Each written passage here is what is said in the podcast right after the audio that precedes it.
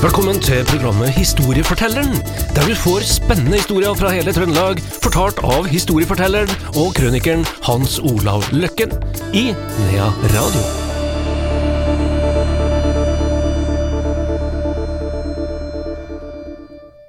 Ja, da er historiefortelleren på plass igjen her i Nea Radio, og det er en stor glede for Andreas Reitan å ønske Hans Olav Løkken hjertelig velkommen tilbake. Jo, takk, i likeså. Nå har vi bobla oss full av masse historier, Hans Olav, og er klar for uh, nye økter. Uh, I dag skal vi aller først til Sunndal, men uh, jeg regner med at du kommer tilbake til Trøndelag etter Ja hvert. kjenner det rett. det er faktisk talt, uh, tro det eller ei, men det er om fly. Oh, ja. det var jo ikke uvanlig. Nei. Så vi tar litt om uh, Værnes flyplass i dag. Og da begynner vi i Sunndalen fordi at uh, han, uh, det er en, en journalist i Adresseavisa, han heter Tommy Fossum. Han har gitt ut noen bøker om Sunndalen, veldig bra bøker om historie og sånn, i lag med noen andre, da, selvfølgelig. Og han kaller en fyr der nede for Fossekallen. Og Fossekallen, det er en som het Ragnvald Blakstad. Ragnvald Blakstad.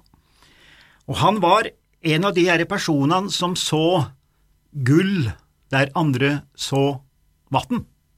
Altså han gjorde om vann til gull. Han var en pioner i den kraftutbygginga, og da kobler vi oss inn på Hydro, Sam Eide, svenske Wallenberg-familien og de her store personlighetene. Kraftkarer. Kraftkarer. Vil, virkelig kraftkarer.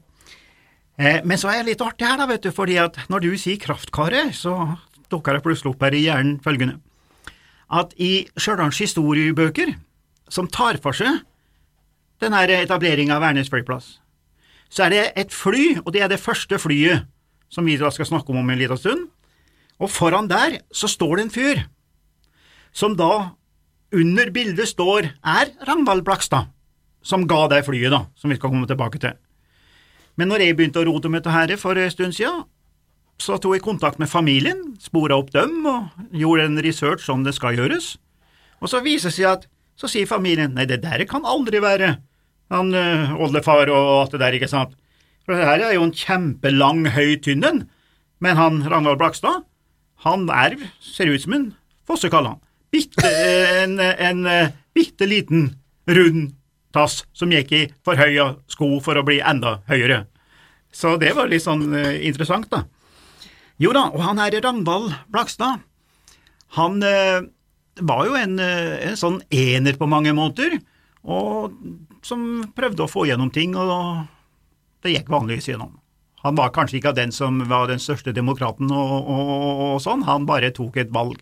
Og så var det da i 1912 så var det noen uh, herrer i Trondheim by som ville samle inn penger til uh, anskaffelse av det første flyet, uh, og som da igjen ville legge grunnlaget for en flyplass i Trøndelag. Og dette var jo da en del kjente personer i, i Trondheim, uten at jeg skal nevne navn, men det, det gikk for tregt, altså. Så de klarte omtrent ikke samle inn penger, de klarte å samle inn 6000 kroner, og eh, det holdt jo bare til skuret, som de kalte det, det, det vi kaller en hangar i dag, da, men de kalte det skuret den gangen. Så de brukte de pengene til skuret, men de hadde ellers ikke penger, og de ble ikke enige, og da tente han her Ragnvald Blakstad, så sa han nei, det her går for sakte, jeg gir 20 000. Og under den såkalte donasjonstiden da, for å få inn de pengene, så var det første firma, Maskinagentur, de ga, står det i Adresseavisa, hele 25 kroner. Ja. Husk på, vi er nå i ei tid, altså i 1912, det var ikke bestetida, men 25 kroner var mye penger. Men han her, Blakstad, han gir altså 20 000, da er vi oppe i mangfoldige årslønninger og alt mulig. Så han, og så forlangte han at flyet skulle hete Olav Tryggvas sønn, mens komiteen ville at det skulle hete Trøndelag. Da måtte jo selvfølgelig komiteen bare trekke seg, fordi det var han som satt på pengene, så enten måtte det bli Olav Tryggvas sønn, eller så ble det ikke noe fly. Men så hadde han et krav til. Han eh, forlangte at dette flyet skulle være stasjonert her i Trøndelag, som en del av Forsvaret. Så det står da på plakaten der flyet i dag er statisk utstilt på Teknisk museum nede i Oslo. Den plakaten henger der fortsatt, og der står følgende at Olav Trygvesen ble skjenket av her, til Hæren av generaldirektør Ragnvald Blakstad i 1913. En forutsetning var at flyet skulle stasjoneres i Trøndelag, står det. Så står det på Teknisk museum. Ja. i Oslo. Ja. Og jeg gjorde en eh, liten eh, sak på det der, vet du, så jeg tenkte, når vi fikk eh, ny terminal på Værnes i 94, så eh, søkte jeg om å få noen kvadratmeter i parkeringshuset, vet du, og lage museum og få fly oppover. Men du vet, de flirer jo til med den gangen som de gjør nå. Men jeg ga meg ikke, da, så eh, i jubileet, da, vet du, i, eh, i eh, 2014, da var det altså 100 år siden første fly, flyet fløy på Værnes.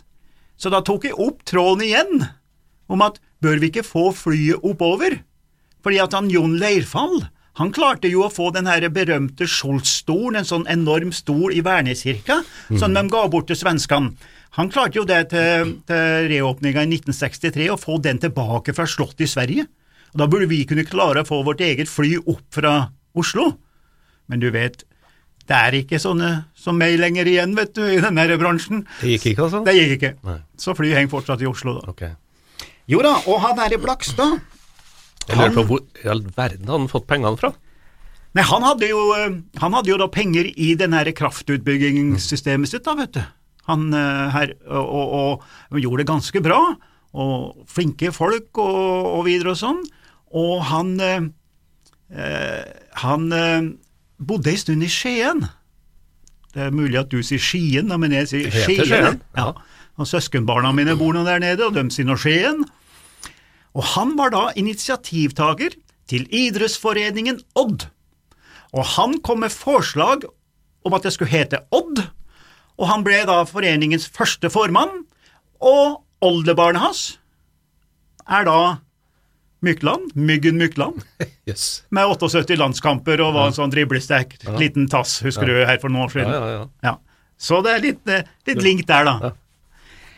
Og så var det det at han, han her, eh, Blakstad, han var eh, ikke noe særlig diplomatisk, da. Det er Han, han, var bent fram når han snakka med folk, og han irriterte seg veldig når det gikk en dag for lenge. Og så, i forbindelse med kraftutbygginga, så eh, tok han seg den friheten at han, han eh, ringte ikke noen statssekretær, han ringte direkte til statsråden og fortalte hva som skulle gjøres. Og en dag da, så ringte han til, statsråd, til statsråden, da, Gunnar eh, eh, Jeg husker ikke hva han het igjen, eh, der han, eh, han statsråd, men det spiller vi i og for seg ikke noen rolle. da, Men han ringte i hvert fall Gunnar Knusten var det vel, ja. Og, eh, og, og, og eh, ringte direkte, og han Gunnar Knusten, han var jo den som var, sto bak det første faktisk talt kraftverket i Norge. Så de har hatt noe med hverandre gjort, da. Men altså likevel, du har jo en viss respekt for statsråden, det bør vi jo ha i dag også, uansett hvem det er. Men han ringte da, og de ble liksom ikke helt enige over, over telefonen, da. Og da ble han helt sint, han herre Blakstad, og så sa han eh, følgende til, at, eh, til, eh, til han her at nei, kyss med ræva, han, og så la han på. Så der kan du liksom tenke hvilket nivå han lå på, da. Sånn. Og, og, og, da, og da var vi vel faktisk tak ikke bare Knutsen statsråd, han var blitt statsminister òg. Ok. Så det ble jo nesten enda mer Ja, ja. eh, brutalt da, kanskje. Jo da, så han, eh, han klarte å få tak i, eh, i de her Han fikk tak i altså både kraftverk rundt om i Norge, og så samtidig så går han inn i fremtiden. Altså Han så kanskje at luftfarten også ville komme, sakte, men sikkert. da. Så han var en, eh, han var en, eh, en eh, drivende kraft på mange måter i dobbel forstand. Og bare det samarbeidet med Sam Eide, for ikke å snakke om Wallenberg Wallenberg er vel kanskje noe av det største i hele Norden når det gjelder mye sånt. altså. Svensken. Svensken, ja. En enorm familie vet du, som vel styrte omtrent hele Sverige, for å overdrive litt. da. Men det er jo litt, eh, det er litt snedig med det her, eh, altså du har kapital og du har eh, evnen til å se gull, Ja, gull ja. og vann, Ja. men, men å se så langt inn i framtida Ja, som, som luftfart Ja. Men det var noen som gjorde det. ja. Og det var mange som prøvde seg, som vi skal komme tilbake til i en annen episode som jeg har mer eller mindre liggende klar, om en del folk som investerte altså 20-30 år frem i tiden, i en vanskelig tid. Og han, de kalte den jo Fossekallen, vet du, der oppe, for han, han var en litt eh, rund type. Og han bodde ved fossen, ikke sant? Det gjorde Fossekallen også, og nå snakker vi om fuglen. Ja. den såkalte nasjonalfuglen vår, som ikke er noen nasjonalfugl i og for seg, da, for det, eh, det jeg har jo kritisert det der mange ganger, og det her gir meg ikke på, altså, men at det skal ikke være NRK eller, et, eller, en radiokanal som skal finne på et underholdningsprogram på lørdag, som skal kåre eh, et nasjonalt ikon. Det har vi jo gjort med fjell, vi har gjort det med andre ting nå de siste årene. Blomster og Ja, blom, det, det må jo være opp på et departementalt nivå med den norske stempel og løve og departement og alt mulig, men dette her var et underholdningsprogram i 63 som, det, som kåra det. Da, og, men, men, det er noen likheter mellom Fossekallen og han her Blakstad. Like rund, hopper nedi fossen, eh, går på bunn, er en av de få som går på bunn, det er jo Fossekallen. Eh, har ikke svømmehud, og, og, og, og svømmer med vengene. Og litt sånn var det altså med vår venn Blakstad. Han svømmer også med vengene, for han tenkte nå i fremtiden og skulle ha fly, og så for seg dette her. Og det er jo da veldig godt gjort, fordi man må huske på hvilken tid han levde i. Altså, både han, Wallenberg og Sam Eide, det var jo sterke personligheter, kraftfulle mennesker for å holde oss til krafta igjen, da, men de levde i en veldig depressiv tid. Og det er jo ganske typisk for han Blakstad. Han dør i London i 1929, i da depresjonens år. Det var historia om eh, mannen som ga grunnlaget for Værnes. Takk skal du ha, Hans Olav Løkken, vår historieforteller. En ny eh, episode kommer neste uke til samme tid.